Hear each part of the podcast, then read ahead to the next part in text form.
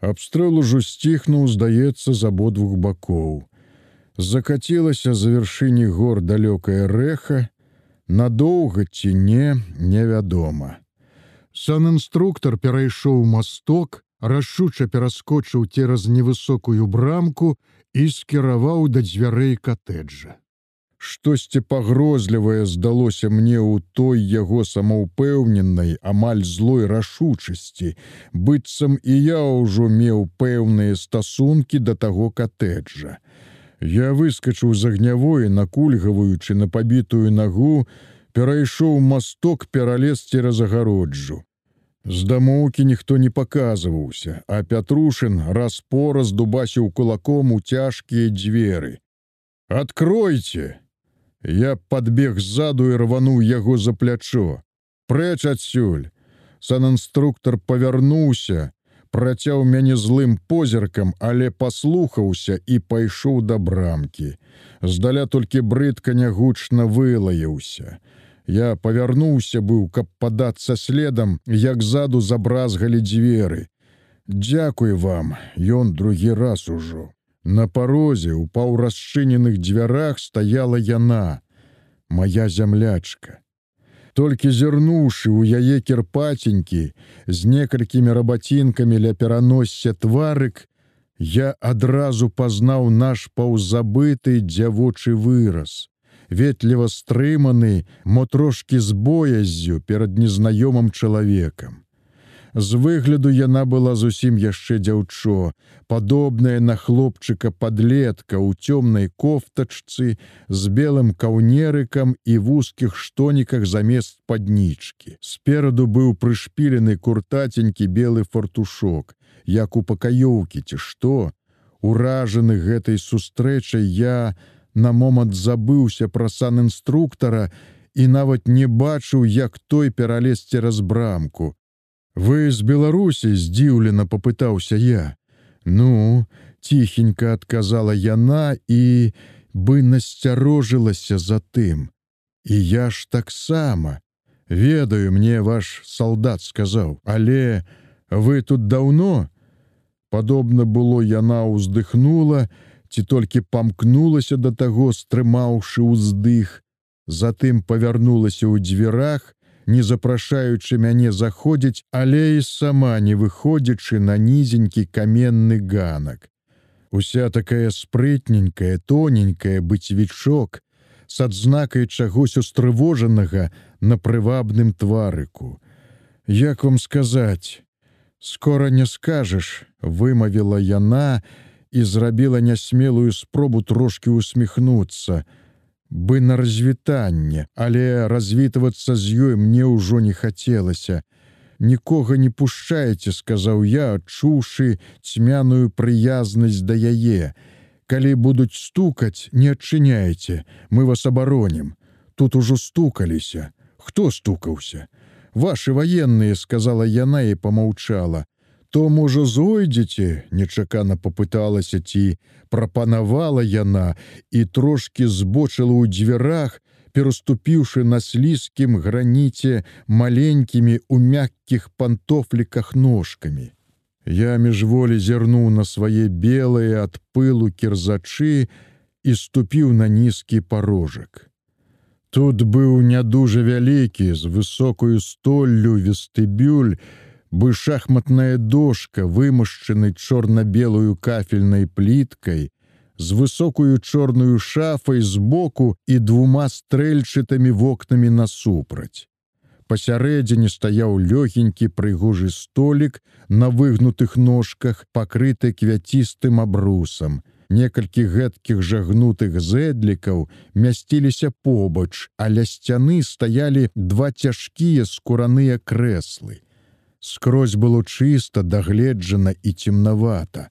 Вокны з надворку на палову затулялі галіны старых зазелянелых дрэваў. А вы тут адна, попытаўся я трохі здзіўлены яўнай заможнасцю яе жытла. Не, чаму ж, гаспадары ёсць, сказала яна, стоячы насупраць. Яна не зводзіла з мяне сваіх зыркіх вачэй, бы чагосьці чакала чакала пытання.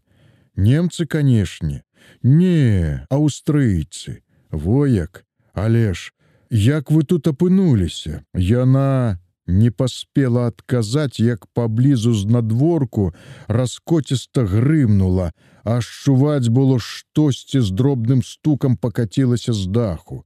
Дзяўчына міжволі скаланулася, у позірку яе мільгануў спалох, і я выскачыў у дзверы. За маёй агнявой, якраз над лесапільняй, ветер разганяў у небе руды клубок дыму. То немцы пальнулі шрапнеллю. У такіх выпадках лепей было схавацца ў доме ці дзе пад дахам, але я змушаны быў бегчы на агнявую. Я бег да агнявой і думаў, ці не прыстрэлачная гэта шрапнель, ці не засеклі яны пазіцыі маіх гармат. Другі разлік узвода быў па той бок заваленай дошкамі лесапільні, як бы яму там не дасталося. На гэтай агнявой усе сядзелі ў раўку, хоць ад шрапнелі ў раўку не схаваешся. У гэты час яшчэ з прарэзлівым трэскам разарваліся два шрапнельных, але цяпер далей, па той бок дарогі. Я гукнуў скібаву збегаць у другі разлік даведацца, ці не параніла каго там. Немцы тым часам перанеслі агонь на дарогу, Мабыць, штосьці там згледзелі, ці не рух пяхоты. Скібаў толькі адбег, як зазумераў телефон. Гэта камбат пытаўся, што ў нас здарылася.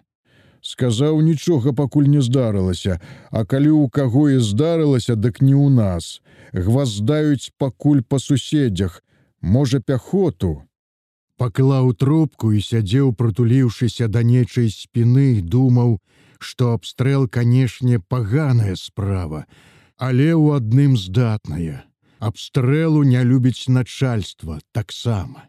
Калі абстрэльваюць, дык можна не асцерагацца, што на цябе нечаканна наедзе які-небудзь віліс з крыклівым камандзірам ці прыдзяўбецца які нахлебнік, камсорг, парторг ці асабіст. У час абстрэлу ты сам сабе гаспадар, лейтенант узводны і болей за немца ворага тут няма. Абстрэл шрапнеллю цягнуўся, здаецца, бясконца доўга. Усё яснае неба над гарадком было спляжана жоўта-рудымі плямамі, якія з пакваля расплываліся, выцягваліся ў ветраныя космы, і сярод іх пыхкалі новыя, па адным парамі, а то і па чатыры адразу.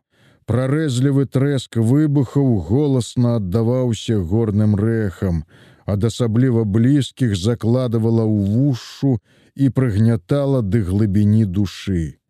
Толькі б стрываць, толькі б перачакаць, не загінуць, гінуць напрыканцы вайны проста жах.